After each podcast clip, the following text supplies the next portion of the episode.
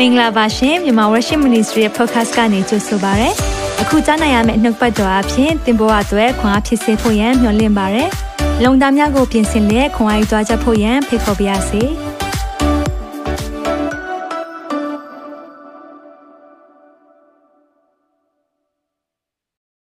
Shalom ရောက်စီတိုင်းကိုညီသက်ချင်းဖျားထမလာတဲ့လူတွေမပေးနိုင်တဲ့ညီသက်ချင်းတက်ရောက်ပါစေလို့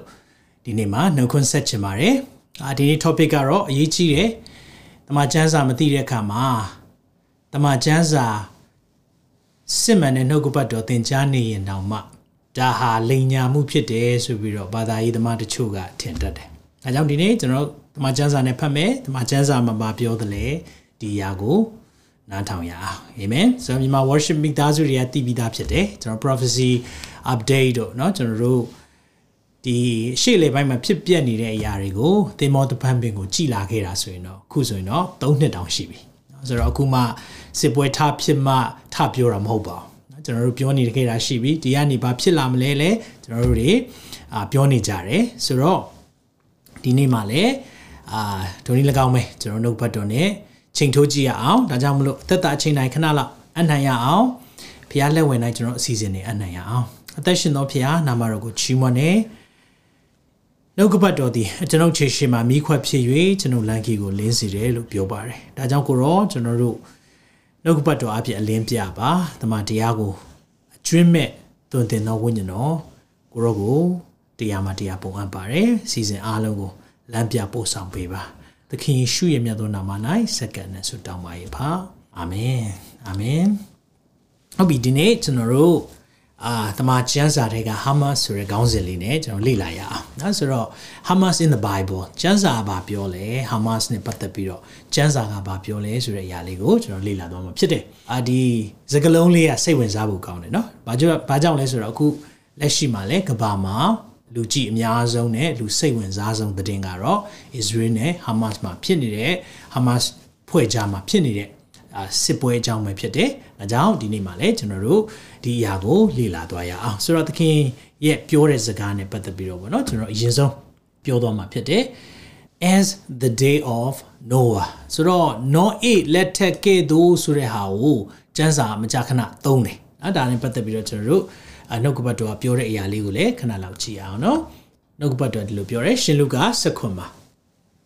နောအေလက်ထက်၌အငယ်26နောအေလက်ထက်၌ဖြစ်တဲ့ကဲ့သို့လူသားလက်ထက်၌ဖြစ်လိမ့်မည်တဲ့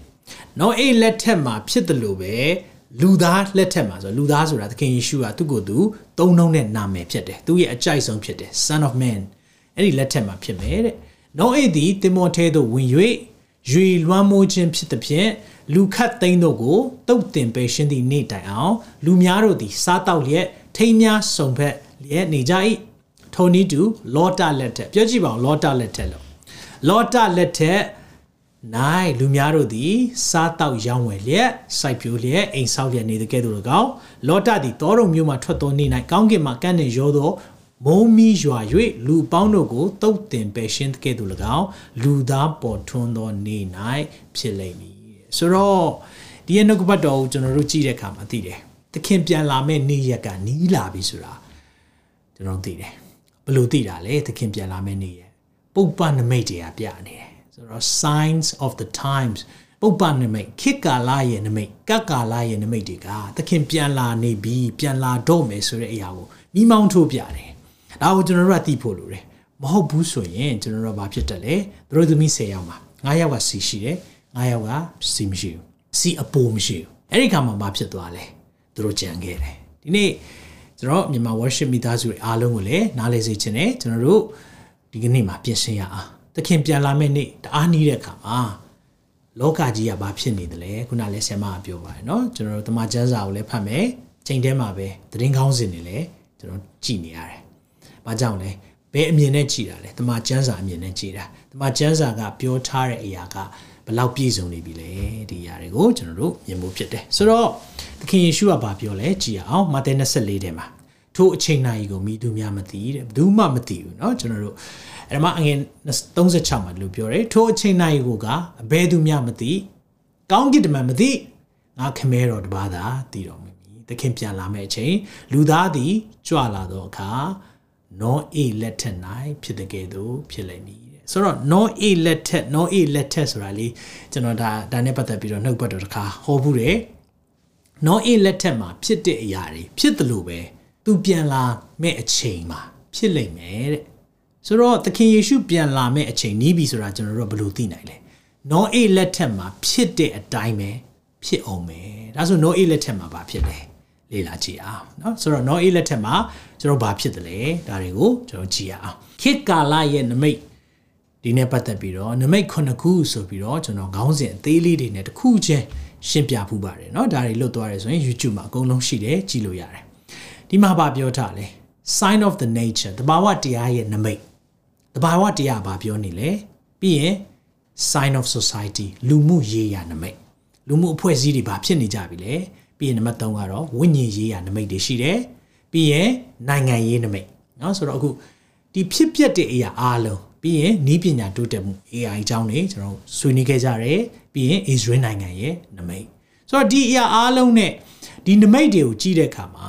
အကြီးဆုံးနမိတ်ကပါလဲဆိုတော့နံပါတ်9 convergence တပြိုင်နက်တည်းဒီအရာအားလုံးဟာတစ်ချိန်တည်းမှာဖြစ်ပေါ်နေတာအခုချိန်မှာသတင်းကောင်းစဉ်တစ်ခုခုကြည့်လိုက် website တစ်ခုကိုကြည့်လိုက်ဒီဒီအရာ6ခုတစ်ခုမှမလွတ်ဘူးအဲ့ဒါက sign ပဲအားလုံးဟာဖြစ်ပေါ်နေပြီ ဆိုတော့အခုဆိုရင်တည်တယ်ကျွန်တော်တို့ Israel နိုင်ငံရဲ့နမိတ် the sign of Israel ဒါကိုကြည့်ဖို့ဖြစ်တယ်ဒါကြောင့်ဒီနေ့မှာနိုင်ငံရေးနမိတ်တွေရဲ့လူမှုရေးရာနမိတ်ဝိညာဉ်ရေးရာနမိတ်တွေနောက်အဓိကရေးကြည့်တယ် Israel နိုင်ငံရဲ့နမိတ်လေးကိုလည်းကြည့်ကြည့်ရအောင်ဆိုတော့ Israel နိုင်ငံရဲ့နမိတ်နဲ့ပတ်သက်ပြီးတော့ကျွန်တော်ဗာတွေ့ရလဲ Israel နိုင်ငံနမိတ်အခုသိတယ်အောက်တိုဘာလ9ရက်နေ့မှာ Hamas terrorist အကြမ်းဖက်ကြမ်းဖက်သမားတွေဂါဇာနဲ့နီးတဲ့ Israeli community ဆိုတာ Israel လူမှုအဖွဲ့အစည်းအားလုံးကိုဝင်ပြီးတော့တိုက်ခိုက်သွားတယ်လူ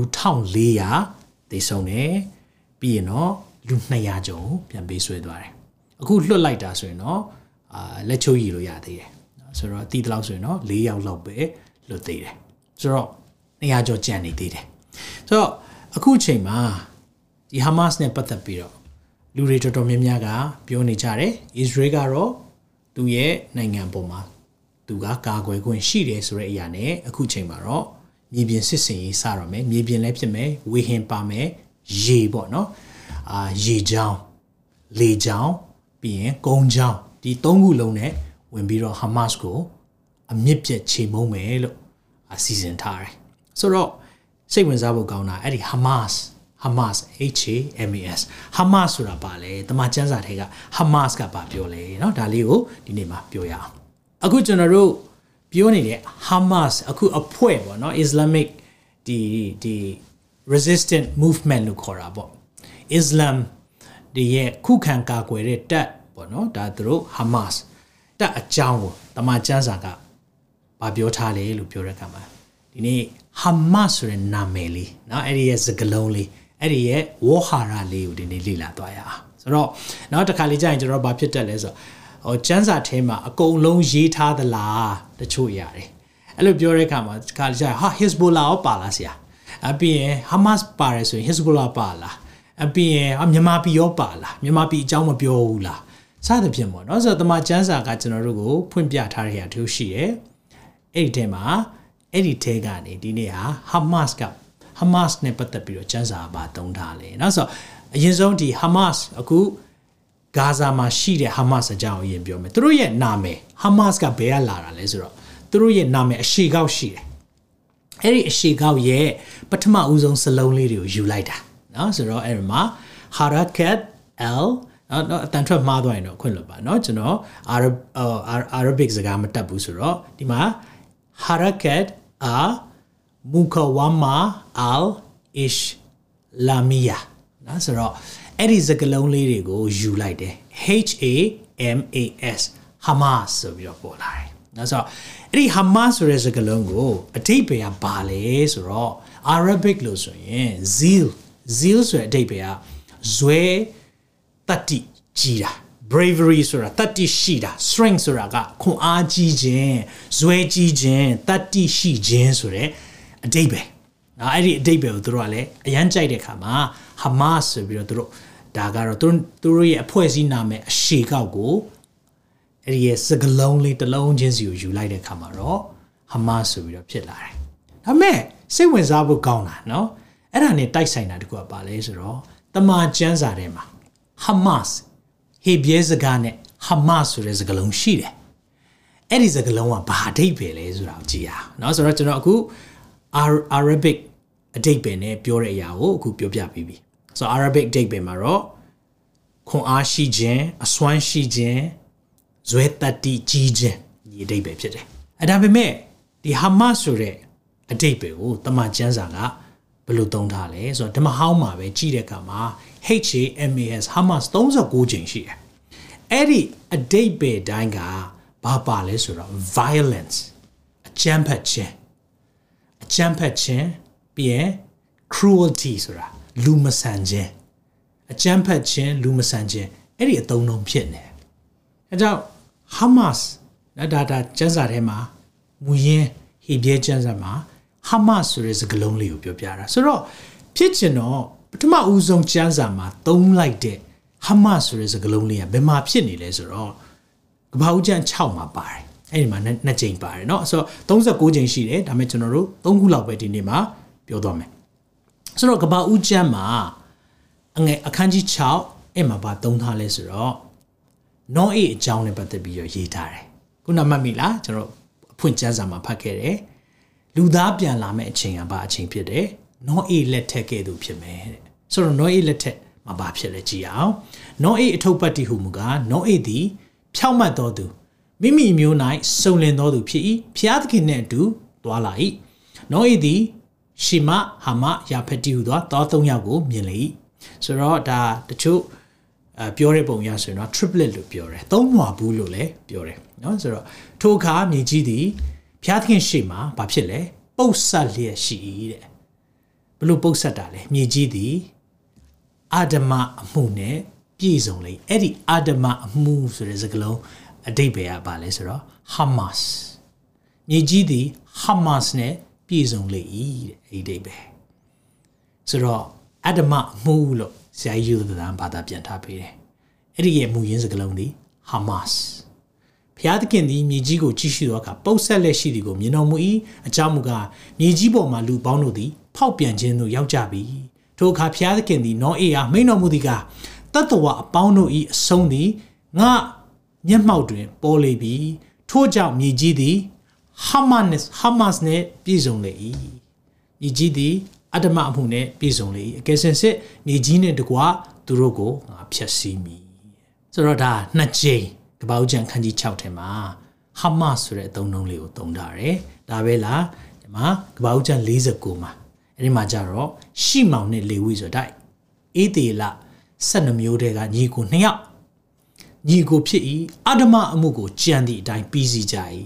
အဲ့ဒီအသုံးနှုန်းကိုလည်းဟာမတ်လို့သုံးထားတယ်ရှီမောင်နဲ့လေဝိကဟာမတ်အလုပ်လုပ်တယ်တဲ့အဲ့လိုရေးထားတယ်ကြံသည့်အတိုင်းပြီးစီကြ၏ငါဝိညာဉ်သည်သူတို့ဤလှုပ်ဝက်ချစ်တယ်เนาะဒါကယာကုပ်ကသူ့သားစနေအောင်စကားပြန်ပြောတဲ့အချိန်မှာရှီမောင်နဲ့လေဝီကအဲ့ဒီမြို့တစ်မြို့လုံးမှာရှိတဲ့အမျိုးသားတွေကိုเนาะတတ်လိုက်တဲ့ကိစ္စအဲ့ဒီဟာကိုလည်း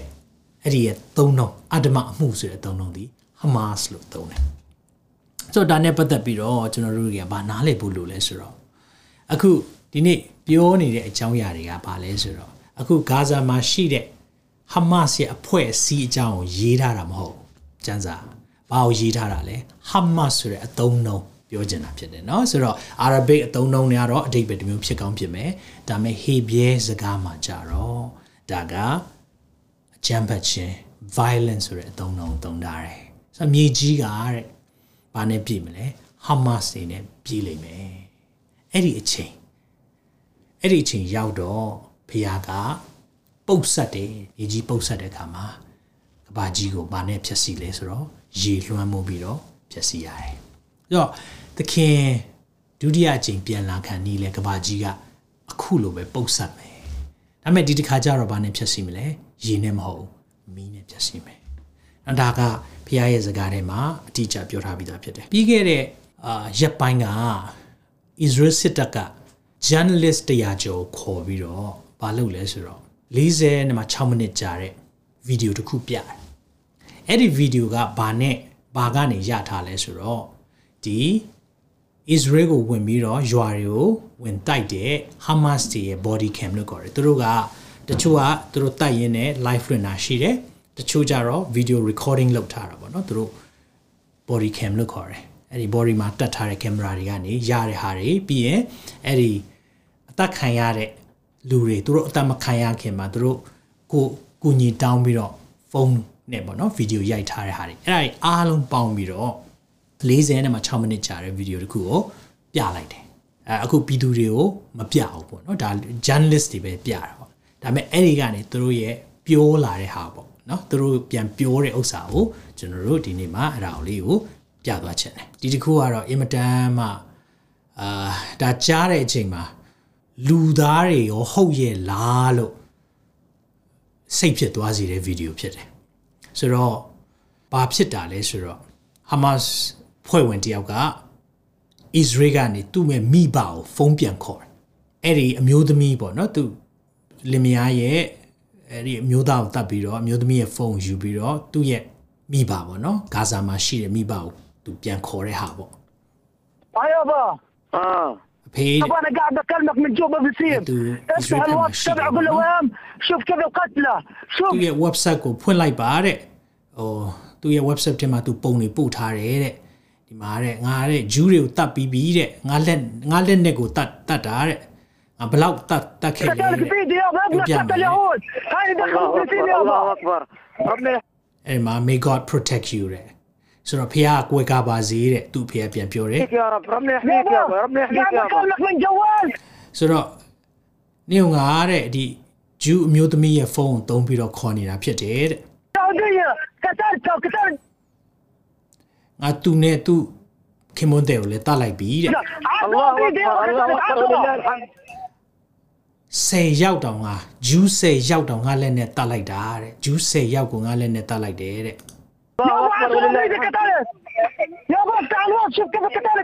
ကြည်ပါတဲ့သူရဲ့ website ကိုဖွင့်လိုက်ပါတဲ့သူသူအတားအတားမတက်ဆိုင်နဲ့ကိုယ်ကလည်းဝမ်းမို့အဲ့ဒါကဘယ်စနေ Ya bana diyorum bir şey mi ya bu? Ya bu Allah aşağı kapalı. Hüseyin Tapibi ရဲ့ Aşağı bir diyor bu. Ya bu alayı diyor. Bir an ne bir an ne. ဆိုတော့အမေအမေနဲ့ပြောချင်တယ်တဲ့သူအမေနဲ့ပြောချင်တယ်တဲ့ Ay amma ay amma yasmıyor ki amma. Dur ne ne ne. Aşağı bir ဖះကောင်းကြီးပေးပါစေတဲ့သူသားကိုပြောနေတယ်ဟိုမျက်ရည်တွေနဲ့ amma. Dur ne ne aşağı bir ne bir dikkat alın. Dur ne ne değil. Dur ne ne değil. โอเคအဲ့ကျွန်တော်ဆက်ပြောဖို့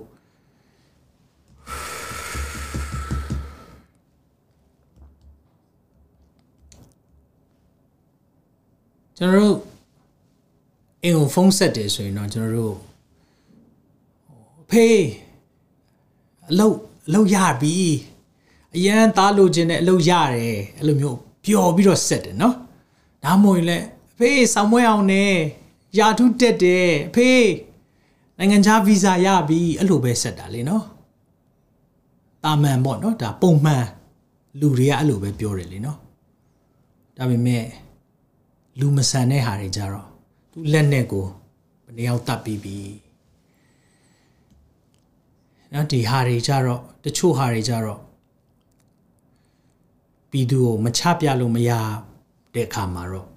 Israel စစ်တပ်ကချပြတာဖြစ်တယ်ဒါပေမဲ့ဒီအရာတွေကနားထောင်တိုင်းပြန်ကြားတိုင်းမှာတော့လုံးဝကြားလို့မကောင်းတဲ့အရာတွေဖြစ်နေတယ်ကျွန်တော်ဒီနေ့ပြောချင်တာပါလေလောကကြီးဟာ ပုတ်ဆက်မှုတွေ violence တွေနဲ့ပြည့်နေပြီဆိုတော့နားလဲစိတ်ချင်တာပါเนาะအဲကြောင့်မလို့အာဒီအရာတွေပြောပြီးတော့เนาะဒါလည်းကျွန်တော်သိတယ်ပါလက်စတိုင်းနဲ့ဟာမတ်ကိုလည်းခွဲခွဲပြားပြားသိဖို့လိုတယ်ပါလက်စတိုင်းကပြည်သူတွေဖြစ်တယ်ဟာမတ်ကအကြမ်းဖက်အဖွဲ့ဖြစ်တယ်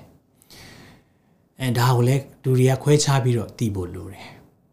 ဆိုတော့သူတို့ပြည်သူတွေလည်းသူတို့နှိပ်စက်တယ်ဟုတ်เนาะကျွန်တော်တို့ Israel စစ်တပ်ကပြောတဲ့အရာလေးတွေပေါ့နော်အဲ့ဒါလေးကိုကျွန်တော်ပြခြင်းတယ်ဆိုတော့အခု Hamas ကိုခြေမုံဖို့သူတို့က Israel ကပြင်နေပြီဒါပေမဲ့ပြည်သူတွေကိုပြောထားတယ်ရွှေ့ကြပါသူတို့ဝင်တော့မယ်တိုင်မယ်ရွှေ့ပါသူတို့လေရင်နဲ့လည်းဒီဝေစာတွေကိုချပေးတာပေါ့နော်ဆိုတော့ပြီးရင်သူတို့သတင်းဖြန့်တယ်မြန်မြန်ရွှေ့ပါလာတော့မယ်ဒါပေမဲ့ Hamas ကပိတ်ထားတယ်မသွားရအောင်ဘာလို့လဲ ပြည်သူတွေကြားထဲကနေပဲသူအလုပ်လုပ်တယ်အဲ့လိုမလုပ်ဘူးဆိုရင်သူတို့အထိနာမှာဆိုတဲ့အခါမှာသူတို့ကပြည်သူတွေကိုလုံးဝပေးမသွားဘူးအဲ့လိုမျိုးပိတ်ထားတယ်အဲ့လိုအခြေအနေလေးအခုချိန်မှာဖြစ်နေတယ်ဆိုတော့ Israel အနေနဲ့ဘေးကျဉ်နှံချက်ဖြစ်တယ်အဲ့မှာတိတ်ဆိတ်ဝင်စားစရာကောင်းတဲ့အရာလေးပေါ့နော်အကြမ်းဖက်မှုနော်ဟာမတ်ရဲ့အတိတ်ပဲအာဒမမှုမတရားမှုရက်စုပ်ရက်ဆက်ကြမ်းကြုတ်မှုအဲ့ဒီစကလုံးအသုံးလုံးအတိတ်ပဲရတယ်ဟေပြဲစကားမှာ ဆိုတော့ဒီရဲ့အောက်တိုဘာ9ရက်ဖြစ်ပျက်တဲ့ဥစ္စာကိုတဲ့အီရန်ကလက်သက်မွေးပြီးတော့ပေါ့နော် training ပေးထားတာဖြစ်တယ်ဆိုတဲ့သတင်းတွေလည်းတက်လာတယ်အဲ့ဒါပြင်ပေါ့နော်ဒီရဲ့ဖန်ခံရတဲ့သူတို့ဝင်တိုက်တဲ့အဖွဲ့တွေကိုဖမ်းပြီးတော့ Israel ကမိခွမေးတယ်နော်ဒီမှာသူတို့တွေကိုမေးတဲ့အခါမှာဘာပြောလဲဆိုတော့အကယ်၍တဲ့လူတယောက်ယောက်ကိုအိမ်ပြန်ခေါ်လာနိုင်တယ်ဆိုရင် တစားခံတယောက်ခေါ်လာရင်ဒေါ်လာ1000ပေးမယ်ဆိုတော့သူတို့ကတွေ့ကြရဆွဲပြီးတော့ခေါ်လာတာပေါ့နော်ဆိုတော့အခုပြန်ပေးဆွဲတဲ့အထင်မှာဟမတ်စ်တွေကနေပြန်ပေးဆွဲတာရှိတယ်လို့ဒီဂါဇာကတာမန်အယက်သားတွေကလည်းယုံရင်ဆန်ခတ်ဖြစ်တဲ့အချိန်မှာသူတို့လည်းတွေ့တဲ့ဂျူးတွေကိုပြန်ပေးဆွဲသွားသူတို့အိမ်မှာထားထားရလို့ပြောတယ်တချို့ဆိုရင်ဆိုတော့ဘာလို့လဲဆိုတော့သူတို့ကိုပြောတယ်တထောင်ပြီးမယ်တဲ့ပြီးရင် apartment ဆိုတာတိုက်ခန်းလည်းပြီးမယ်လို့ပြောထားတယ် ပြောတဲ့သတင်းကောင်းစင်မှာကြည့်လိုက်ပါ Islam Islam ဘာသာကတဲ့ does not permit the killing of women and children တဲ့သူတို့ပြောတယ်အဲ့လိုမျိုးတတ်ဖို့အခွင့်မပေးဘူးလို့ပြောတယ်တဲ့ဆိုတော့အဲ့ဒီမှာဒီဖန်စီခံထားရတဲ့သူတွေကိုပြန်ပြီးတော့ interview လုပ်တာပေါ့နော်ဆိုတော့ဟမတ်စ်ကဘာတွေလုပ်လဲသူတို့သူတို့အရန်အမြင့်ပြက်ချေမုန်းဖို့ခက်တဲ့အကြောင်းကဘာလဲဆိုတော့သူကမြေအောက်လှိုင်ကောင်းမှနေတယ်ဆိုတော့ဒီဟာကဂါဇာရဲ့ ပုံလေးပေါ့နော်ဒါဂါဇာရဲ့မြေပုံအဲ့ဒီမှာအဲ့ဒီမြေအောက်လှိုင်ကောင်းမှာသူတို့အဲ့ဒီအခုအခုဒီလိုအပြာရောင်လေးတွေတွေ့တယ်ထင်နော်အဲ့ဒါကတခြားမဟုတ်ဘူးအဲ့ဒီမြေအောက်လှိုင်ကောင်းတွေဖြစ်တယ်ဆိုတော့ Israel ကဘယ်လိုခန့်မှန်းထားလဲဆိုတော့အဲ့ဒီလိုင်ကောင်းတွေအားလုံးကိုအရှည်ကိုဆက်လိုက်မယ်ဆိုရင်တဲ့ကီလိုမီတာ100လောက်ရှိမယ်တဲ့ဆိုတော့နိုင်ငံတကာပံ့ပိုးတဲ့ငွေတွေလူမှုကူညီရေးငွေတွေအားလုံးကစေယုံစောက်မယ်ကြောင်းစောက်မယ်အဲ့ဒီနေရာမှာမသုံးဘယ်မှာပဲသုံးလဲ ညီအောက်မှာပဲသုံးတယ်ညီအောက်မှာပဲထားတယ်เนาะပြီးရင်အမုံတရားဝါဒလူတတ်မယ်ဖြတ်မယ်เนาะအာဂျူးတွေတယောက်မှကဘာပေါ်မှာမရှိရအောင်ဆိုတော့ဒါဒီရဲ့အရာကိုဆွဲကင်ပြီးတော့လုပ်တဲ့ခါမှာသူတို့အဲ့လိုပြင်ဆင်တယ်ဆိုတော့အဲ့ဒီမှာသူတို့ရဲ့အလုတ်လုတ်ပုံလေးပေါ့နော်မြေအောက်မှာဘလို့အလုတ်လုတ်လဲဆိုတဲ့ဟာအရန်ကိုဟိုသူတို့ပြင်ဆင်ထားတယ်เนาะအလွှာအလွှာလိုက်လေးတွေရှိတယ်ဒါပေမဲ့အရန်ထူးဆန်းတာသူတို့ရဲ့ command and control center ဆိုတာတကယ်ထိမ့်သိမ့်တဲ့နေရာပေါ့เนาะတကယ်ဟိုဘာလို့ပါညွန်ကြားညွန်ကြားတဲ့နေရာပေါ့เนาะအဲ့ဒီနေရာကြတော့ဘယ်မှာရှိနေလဲဆိုတော့ဒီဆေးရုံအောက်မှာရှိနေဆိုတော့ဒီဆေးရုံက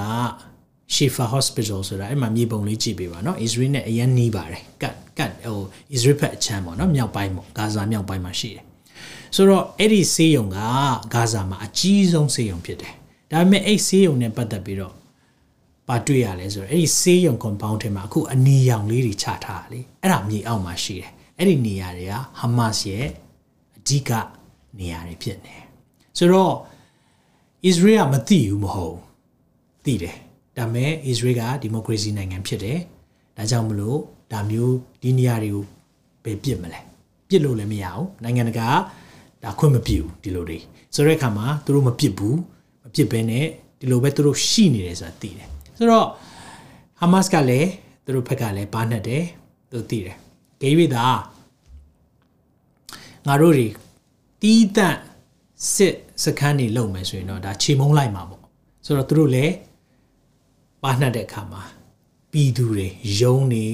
နော်ပြီးရင်ကြောင်းနေအခုဒီမှာဆိုရင်ဆေးရုံအောက်မှာဆိုတော့အဲ့ဆေးရုံအောက်မှာရှိတဲ့တနေရာဆိုရင်သူတို့ရဲ့ control center တကူက ဆေးရုံအောက်မှာရှိတယ်ဆိုတော့ဒီအော်တိုဘာလ9ရက်နေ့သူတို့ Israel ဝင်တိုက်ပြီးတော့အများကြီးထွက်ပြေးလာတဲ့အဖွဲ့တွေရှိတယ်အဲ့ဒီအားအားလုံးဟာဒီဆေးရုံထဲပဲဝင်ပြေးသွားတယ်ဆိုတော့ဒီမှာသူတို့အများကြီးပုံနေတယ်ဆိုတော့သတင်းတွေ IDF ကအတိအကျသိရတယ်ပေါ့နော်အဲ့ဒီမှာဆိုရင်တော့သူ command center ဆိုတဲ့အရာလေး control center အဲ့ဒီအဲ့ဒီနေရာမှာတကယ်ခေါင်းဆောင်ကြီးတွေနေပြီးတော့အလုံးလုံးနေတယ်ဆိုတဲ့အရာကိုလည်းကျွန်တော်တို့သိရတယ်ဒါပေမဲ့တခု လေးပေါ့နော်ဒီအရာလေးမှာဘာဖြစ်လဲဆိုတော့ဘာအကြောင်းကျွန်တော်ပြောချင်လဲဆိုအဓမ္မအမှု Hamas နဲ့ကဘာကကဘာကဒီဟာမတ်စ်ရဲ့လုပ်ရက်နဲ့ပတ်သက်ပြီးတော့ဘာပြောသလဲဆိုတော့ဒီမှာစိတ်ဝင်စားစရာအရင်ကောင်းတယ်ဆိုတော့ဒီမှာ UN UN General Secretary General ပေါ့နော်ထွေထွေအတွင်းမှုကဘာပြောလဲဆိုတော့အခုဖြစ်တဲ့ကိစ္စအခုဟိုအောက်တိုဘာ9ရက်ဖြစ်တဲ့ကိစ္စကဒါနှစ်ပေါင်း90ကျော် ပောက်ဖွာလာတဲ့ဟာပေါ့နော်ဒီလိုကိစ္စဖြစ်တယ်ဒါဟိုနေချင်းညချင်းဖြစ်လာတာမဟုတ်ဘူးပေါ့နော်အဲအဲ့ဒီအဲ့ဒီဟာပြောသလိုပြီးရင်အာအစ္စရေးကဖိနှိပ်ထားတဲ့အတွက်ကြောင့်မလို့အခုလိုဖြစ်ရတာပါဆိုပြီးပြောတဲ့အခါမှာအစ္စရေးဘက်ကဗာပြန်ပြောလဲဆိုတော့ UN အထွေထွေအတွင်းရမှုနှုတ်ထွက်ပါဆိုပြီးတော့သူတို့ဘက်ကနေတောင်းဆိုလာတယ်တော့ဒါဒါအခုလက်ရှိမှာပေါ့နော်ကဘာကဘယ်မှာရက်တည်နေတယ်လဲဆိုတာကိုသိဖို့လိုတယ်ဆိုတော့ကဘာကတော့ အခုဟာမတ်စ်နဲ့ပါလက်စတိုင်းဘက်မှာအများကြီးရက်တည်နေတာဖြစ်တယ်ဒါကြောင့်မလို့ကျွန်တော်တို့ဟိုနေ့ကလည်းကျွန်တော်မီဒီယာနဲ့ပတ်သက်ပြီးတော့ပြောပါတယ်နော်မီဒီယာသတင်းတွေမှာမြင်တွေ့တဲ့အရာတော်တော်များများသည်အာတတိထားရမယ်ဆိုတဲ့အရာကိုလည်းသိဖို့ဖြစ်တယ်ဆိုတော့ဒီမှာဆိုရင်တော့အာ pro Palestinian protest တွေလန်ဒန်မှာနော်ကျင်းပသွားတယ်လန်ဒန်မှာအာ free Palestine ပေါ့နော်ကျွန်တော်လည်းထောက်ခံပါတယ်အမုန်းတရားတွေကနေ လွတ်မြောက်ပါစေ free Palestine အဲဒီအာဓမအမှုတွေကနေလွတ်မြောက်ပါစေကြင်ချင်းတွေကနေလွတ်မြောက်ပါစေအသက်ရှင်တဲ့စစ်မှန်တဲ့ဖခင်ကိုတိပါစေဆိုတာတကယ်ကိုဆန္ဒပြုပြီးဆုတောင်းပါတယ်ဒီလိုမျိုးမုန်းတရားတွေနဲ့သွားနေသေးရတော့ဒီဘာကြီးကတော့ငြိမ်းချမ်းမှာမဟုတ်ဘူးပေါ့နော်ဒါတွေ့ရတယ်ဆိုတော့ဒီရဲ့ဆန္ဒပြပွဲမှာဆိုရင်တသိန်းနော်ဆိုလန်ဒန်မှာတသိန်းကဆန္ဒပြတယ်တဲ့ဆိုတော့ခုနကျွန်တော်တို့ဖတ်ခဲ့တဲ့ကျမ်းစာမှတ်မိလားနော်အေးလက်ထက်မှာဘာဖြစ်မလဲ ဘုရားကဘာကိုကြည်လိုက်တဲ့ခါမှာဘာနဲ့ပြည့်လဲပုတ်ဆက်နေတယ်ဘာနဲ့ပြည့်လဲအာဓမအမှုနဲ့ပြည့်တယ်ဟာမတ်စ်နဲ့ပြည့်တယ်ဒီမှာကြည်လိုက်ပါအပြည့်ပဲအပြည့်ပဲအခုကဘာကဘာနိုင်ငံအများကြီးမှာဩစတြေးလျမှာလည်းပြတယ်လန်ဒန်ဘာမင်ဂမ်နော်နောက်ပြီးရင်အမေရိကနေရာတကာမှာအားလုံးဒီဘာရင်းနဲ့ပဲပြည့်နေလဲနော်ဆိုတော့အခုအစ္စရေးကသတိပေးထားတယ်အစ္စရေးမှာအခုလောက်သွားတယ် အမေရိကတို့เนาะအနောက်နိုင်ငံတွေမှာလည်းမင်းတို့အလှည့်ရောက်လာလိမ့်မယ်เนาะဂျီဟာဒစ်ဆိုတာကဘာမှာဒီရဲ့ကိစ္စတွေဖြစ်လာမယ်เนาะဆိုတော့အကုန်လုံးအသေးခံတိုက်ခိုက်မှုတွေဒါတွေဖြစ်လာမယ်ဆိုတဲ့အရာကိုအဲသူတို့တွေကတတိပေးထားတယ်เนาะဒါတွေဖြစ်လာနိုင်တယ်ဆိုတော့ are you ready မေခွန်းကတော့ are you ready เนาะဆိုတော့ are you ready ဘာ ready ရမှာလဲဘာ ready ရမှာလဲ ready ဖို့ရှိတယ်အဲ့ဒါလေး เนาะပြောပြီးတော့ကျွန်တော်အဆုံးသတ်ခြင်း ਨੇ ရှင်ပေကျူ aura စာဒုတိယဆောင်ခန်းကြီး3မှာဒီလိုပြောတယ်နှစ်ပေ3ထာရဖျားဤနေရဲ့အဲ့ဒီမှာဒီလိုပြောတယ်ချစ်သူတို့ဤဒုတိယ aura စာကိုသင်တို့အားယခုငါရေး၍ပေးလိုက်၏တန်ရှင်သော prophet တို့သည်အထက်ကဟောပြောသောစကားများကို၎င်းကဲတင်တော်မူသောအရှင်သခင်ဖျားဤတမန်တော်ဖြစ်သောငါတို့ဤပြည့်ညတ်ကို၎င်းသင်တို့သည်အောက်မေ့စေခြင်းကဤစာနှဆောင် နော်ဆိုရှင်ပေတုပထမဆောင်ဒုတိယဆောင်ပြောတာဖြစ်တယ်သူတို့ဤကြည်ကြည်ပြူသောစိတ်ဝိညာဉ်တို့ကိုငါတတိပေး၍နှုတ်ဆော်၏တဲ့ဘာပြောမလဲတဲ့ဘာတတိပေးမလဲတဲ့နော်ဒီမှာပြောပြီးအငယ်လေးမှာကြည်ပါသခင်ဖျားကြွလာမည်ဟုသောအာ sorry အငယ်သုံးရင်ကြည်ပေးပါရှေးဥစွာတိမတ်တိမှတ်အပ်သောအရာဟုမူကားတဲ့အရင်ဆုံးသိရမယ်ဒါရှင်ဘီဂျူကပြောတယ်နောက်ဆုံးသောကာလ၌ပြောကြည့်ပါ နောက်ဆုံးသောကာလဘယ်ကာလလဲခုကာလဘာဖြစ်မလဲပြည့်ရည်ပြုတ်တက်သောသူတို့သည် scoffer လို့သုံးထားတယ် scoffer ဆိုတာတခြားမဟုတ်အဲ့ပြည့်ရည်ပြုတ်တယ်ဆိုတာဓမ္မမိတ်ဆွေတွေဘာသာခြားတွေထက်ဒီကားလေးမှာခရိယန်လို့ကိုယ့်ကိုယ်ထင်တဲ့သူတွေဖြစ်နေတတ်တယ်အဲ့ဒီသူတွေကဘာပြောလဲမိမိတို့တတ်မှတ်ခြင်းအတိုင်းကျင့်နေပြီတဲ့သူတို့စိတ်ကြိုက်ပဲသက်ရှင်နေသခင်ဖျားကြွလာမည်ဟူသောဂတိဂတိတော်သည် အဘယ်မှာရှိသနည်းသခင်ပြန်လာမယ်ဆိုတော့ဘယ်မှာလဲဒီမေကိုခဏခဏအမေခံရတယ်ခဏခဏအမေခံရတယ်ဘယ်မှာလဲတဲ့နော်ကြီးလက်ထက်တွင်အဲ့လိုပဲရေးကြည့်မယ်ဖျားစီရင်ခြင်းလာတော့မယ်တင်မော်ထဲကိုဝင်ပါဘယ်မှာလဲမိုးဆိုတာဘာလဲဘာကိုရေးကြည့်မယ်ပြောတာလဲနော်အေးအဲ့ဒီအတိုင်းပဲဖြစ်မယ်ဘိုးဘေးများအိပ်ပျော်သည့်နောက်ခတ်သိမ်းသောအရာတို့သည်ဖန်ဆင်းကားစ တကယ်တော့ဖြစ်မဲဖြစ်၏ဟုဆိုလျက်ကဲ့ရဲ့ခြင်းနဲ့တကွပေါ်လာမယ်ကဲ့ရဲ့မဲ့သူတွေပေါ်လာလိမ့်မယ်ကဲ့ရဲ့တင်တီရဲ့ဟောကြားချက်ကိုကဲ့ရဲ့နေတယ်ဆိုရင်လေအဲ့ဒါလေဓမ္မချမ်းစာပြည့်စုံတာဓမ္မချမ်းစာပြည့်စုံတာသင်အကြောင်းကိုရေးထားတယ်အကြောင်းချမ်းစာထဲမှာသင်ပါလာသိချင်သင်ဟာသခင်ဖျားကြွလာမယ်ဆိုတဲ့ဂတိစကားပေါ်မှာပြည့်ရည်ပြုတော်သူဖြစ်တယ်ဆိုရင်သင်ပါတယ်ချမ်းစာထဲမှာတိကြပဲသင်ပါတယ်ကဲ့ရဲ့ပြုခြင်းနဲ့ကဲ့ရဲ့ခြင်းနဲ့တကွပေါ်လာကြလိမ့်မယ် အော်ဘူးကောင်းတယ်နော်ကျွန်တော်တတိမမူတဲ့အချိန်မှာအဲဒါကြောင့်သခင်ဘုရားဘယ်ချိန်ပြန်လာမလဲသင်တို့မထင်မမှတ်တဲ့အချိန်အဲဒါကြောင့်ဒီမှာပြောထားတယ်စကြည်အောင်ငယ်ငါမှာရှေ့ကာလ၌မိုးကောင်းကင်ကို၎င်းရေကထွက်ရေရေတဲကထွက်၍ရေဖြင့်တည်သောမြေကြီးကို၎င်းဘုရားသခင်နှုတ်ပတ်တော်သည် ဖြစ်စီတော်မူပြီးဖြစ်ကြောင်းနဲ့ ဖြစ်ဖူးသောလောကရတ္တကိုထိုတို့အားဖြင့်မနဲ့ဖြည့်စီလဲဆိုတော့ရေနှင့်လွှမ်းမြုပ်၍ဖြည့်စီကြောင်းကိုထိုသူတို့သည်မှတ်မိခြင်းသောစိတ်မရှိကြတဲ့အခုချိန်မှာနောအိရေရေလွှမ်းမိုးခြင်းကြောင်းပြောရင်လက်မခံတဲ့သူရမ်းများတယ်မမှတ်မိခြင်းသူတို့မသိခြင်းသိပ္ပံပညာရှင်တွေတော်တော်များများဟာနောအိရေလွှမ်းမိုးခဲ့တယ်ဆိုတဲ့အရာကိုသူတို့ဘလို့မှလက်မခံနိုင်။ဘာကြောင့်လဲ။ ရှင်းနေပြီလေ။မိမိရဲ့စိတ်ဆန္ဒရှိတဲ့အတိုင်းနေခြင်းတဲ့အခါမှာဒီအရာတွေကိုမသိချင်ဘူး။ဒါဆိုရင်ရှင်ပေတူကဘယ်လိုတတိပေးထားလဲ။ငွေခုနှစ်မှာကြည်ပေးပါ။ယခုရှိတော့မိုးကောင်းကင်နဲ့မြေကြီးဟုမူကားတရားဆုံးဖြတ်၍အာဓမလူတို့ကိုဖျက်ဆီးသောနေ့ရက်တိုင်အောင်ထိုနှုတ်ကပတ်တော်အပြင်တူထားလျက်ရှိ၍မိရှို့ခြင်းအဖို့လုံကနေရစ်တည်းဘာနဲ့ဖြတ်စီမလဲမိနဲ့ဖြတ်စီမယ် မိနဲ့ဖြတ်စီမယ်ဒီရဲ့အခုဖြစ်ပျက်နေတဲ့အရာတွေကြည့်တဲ့အခါမှာဒီတဲ့ဆိုးအောင်မယ်နော်ဒီတဲ့ကောင်းလာဖို့မရှိဘူးဒီတဲ့ကောင်းလာဖို့မရှိဘူးဒီတဲ့ဆိုးဖို့ပဲရှိတယ်အခုဖြစ်မဲ့ဟာတော့ဒီကနေဘာဖြစ်နိုင်လဲအီရန်ပါလာမယ်ရုရှားပါလာမယ်တူရကီပါလာမယ်ဆိုရင်တော့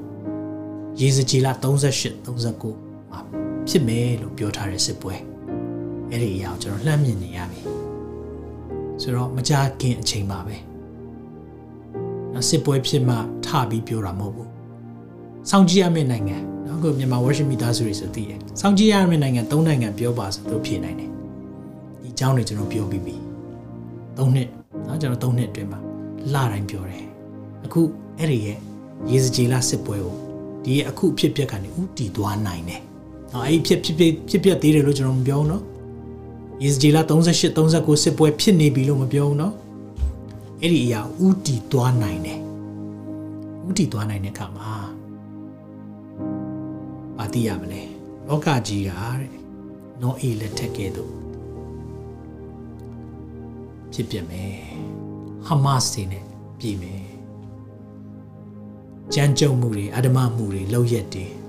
လူမဆန်မှုတွေနဲ့ cruelty ဒါတွေနဲ့ပြည်မယ် အဲ့ဒီကာလပြည်လာဖို့ကျွန်တော်တို့အခုစမြင်နေရပြီအဲကြောင့်ကျွန်တော်တို့တွေပြင်ဆင်ရအောင် are you ready သခင်ပြန်လာတော့မယ်ကျွန်တော်တောင်းဝင်ရတော့တတိပေးဖို့ပါနားထောင်တာကတော့ဒီရင်တောင်းဝင်ဖြစ်တယ်ဒီနေ့ဒီ prophecy update တွေ end time teaching တွေကိုသင်တဲ့အခါမှာဆရာကြီးနောက်ဆုံးသောကာလတွေအကြောင်းကြားလို့အသက်တာပူဆိုးသွားတယ်ဆိုတာတစ်ခါမှမကြားဘူး ဖះနဲ့မှန်လာတယ်လို့ပဲကြားဘူးတယ်ကျမ်းစာဖတ်လာတယ်လို့ပဲကြားဘူးတယ်အသက်တာမှာရည်ရွယ်ချက်ရှိရှိအသက်ရှင်ဖို့ဖြစ်လာတယ်ဆိုတာပဲရှိတယ် game ဆော့တာတွေပြတ်သွားတယ်ဒါပဲကြားတယ်တခင်ပြန်လာတော့မယ်အကြောင်းကျွန်တော်တာဝန်သတိပေးရမယ်အခုနော်အေးလက်ထက်ကဲသူပဲဟာမတ်စ်တွေနဲ့ပြည်နေပြီ violence တွေနဲ့ပြည်နေပြီဒါပေမဲ့ကျွန်တော်တို့မှာမျှော်လင့်ချက်ရှိတယ်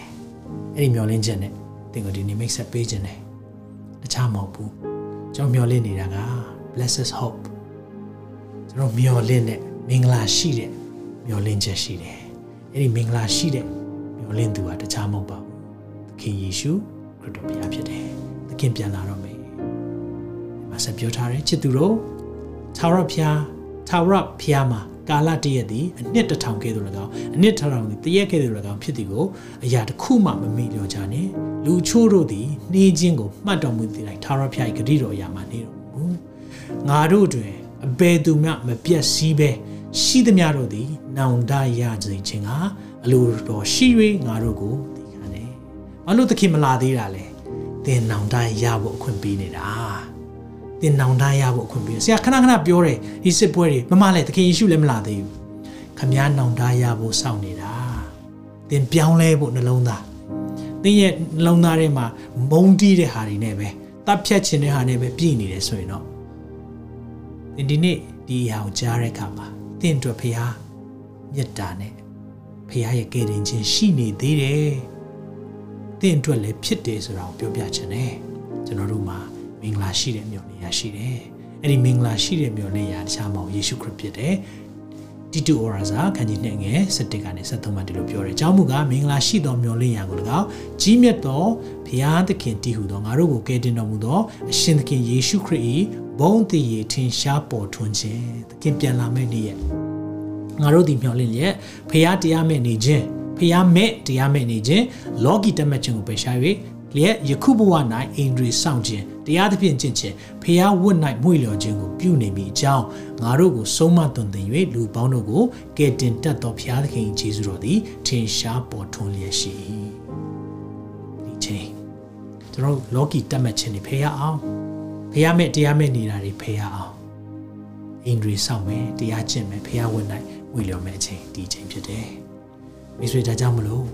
ဒီရဲ့အရာကိုသင်တိုက်တိုက်ဆိုင်ဆိုင် ကြည့်မိတာလည်းဖြစ်ကောင်းဖြစ်မယ်တကယ်ချင်းတယောက်ယောက် share လို့ကြည့်မိတာလည်းဖြစ်ကောင်းဖြစ်မယ်ဒါမှမဟုတ်သင်ဖြစ်ပျက်နေတဲ့ရှေ့လေပိုင်းမှာဖြစ်ပျက်တာကိုစိတ်ဝင်စားလို့ကြည့်မိတာလည်းဖြစ်ကောင်းဖြစ်မယ်ဒါမှမဟုတ်သင်စိတ်ထဲမှာဆဲဆိုခြင်းလို့ကြည်တာလည်းဖြစ်ကောင်းဖြစ်မယ်ကိစ္စမရှိဘူးဘယ်အကြောင်းလားအရာတစ်ခုခုနဲ့မှသင်ကြည်တာပဲဖြစ်ပါစေအမကျင်သင်ကိုတခုပြောပြခြင်းတယ်သခင်ယေရှုဖခင်သင်ကိုသိချင်တယ်ကျွန်တော်လူသားတွေမပြည့်စုံဘူး ကျွန်တော်တို့ရဲ့စိတ်ထဲမှာတတ်ချင်ဖြတ်ချင်တဲ့စိတ်တွေတတ်မှတ်လိုချင်တဲ့စိတ်တွေအဲ့ဒါနဲ့ပဲပြည့်နေတာဘုရားတခါရည်လွှမ်းမှုခြင်းနဲ့ဖြည့်ဆည်းပြီးပြီဒါပေမဲ့နောက်တစ်ခါသူဖြည့်ဆည်းမဲ့ကာလမိနေဖြစ်တယ်တဲ့အဲဆိုသင်ဟာကဲတင်ခြင်းဆိုရရလိုအပ်တယ်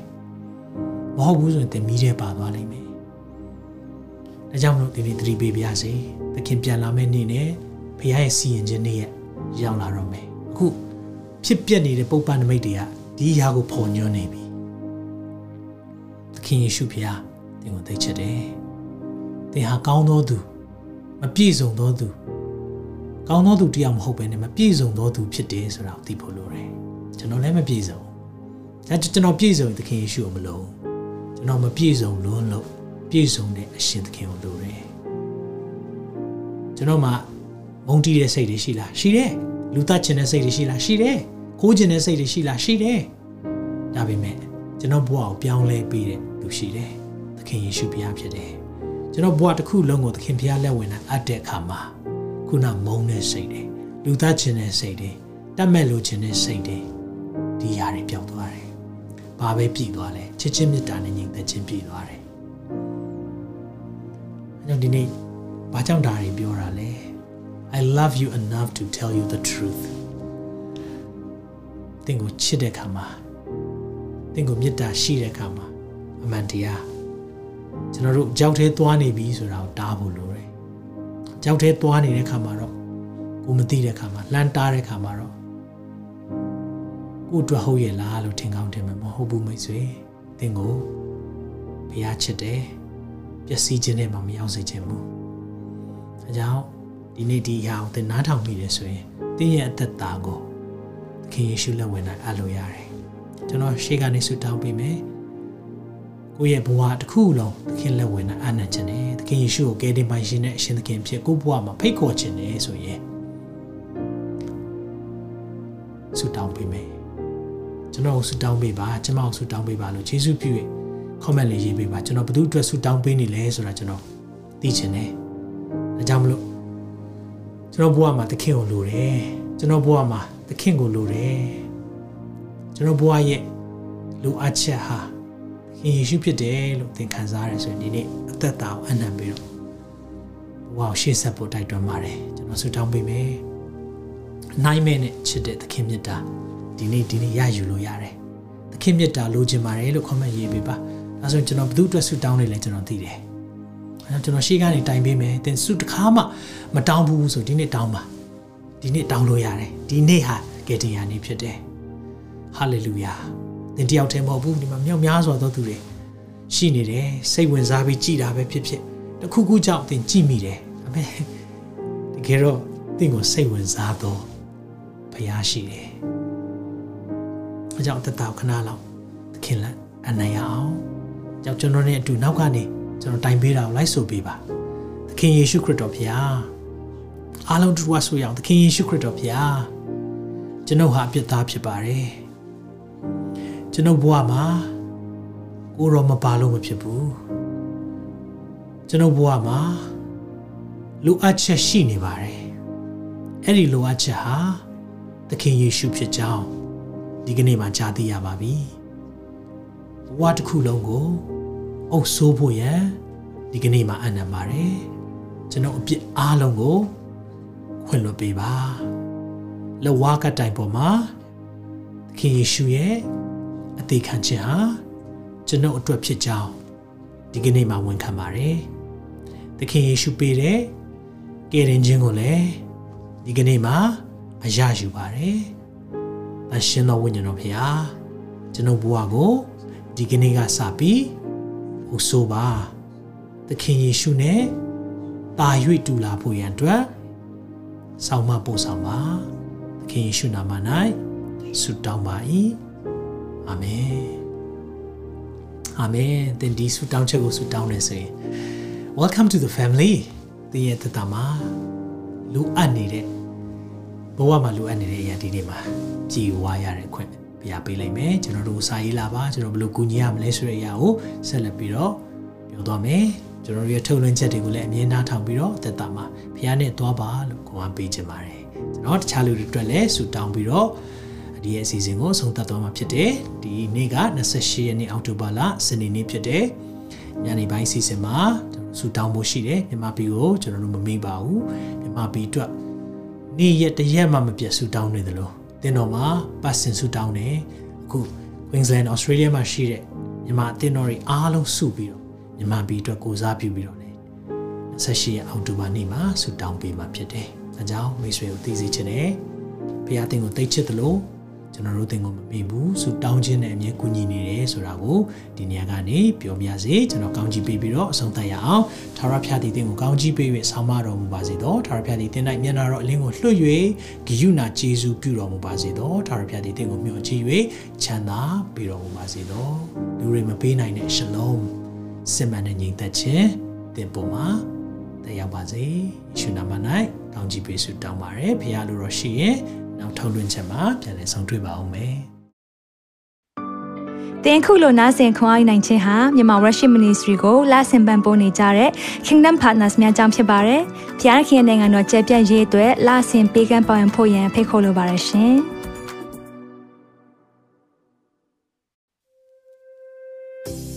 အခုကြားနာခဲ့ရတဲ့နှုတ်ပတ်တော်အဖြစ်ခွန်အားရရှိမဲ့လို့ယုံကြည်မျှော်လင့်ပါတယ်။ ခွာရရဆိုလို့ရှိရင်ဒီတစ်ပတ်နဲ့ပြန်လည်ဝင်မြပေးဖို့ရန်တောင်းဆိုပါရစေ။မြန်မာ Worship Ministry ရဲ့ website myanmarworship.com ကိုလည်းလာရောက်လေ့လာဖို့ရန်တွဲဖိတ်ခေါ်ချင်ပါတယ်။တချိန်ထဲမှာမြန်မာ Worship Ministry ရဲ့ social media platform များဖြစ်တဲ့မြန်မာ Worship YouTube Channel, မြန်မာ Worship Facebook Page နဲ့မြန်မာ Worship Instagram များကိုလည်းလာရောက်လေ့လာဖို့ရန်တွဲဖိတ်ခေါ်ချင်ပါတယ်။နောက်တစ်ချိန်မှာပြန်လည်ဆုံတွေ့ကြပါစို့။ဖျားရှင်ကောင်းကြီးပေးပါစေ။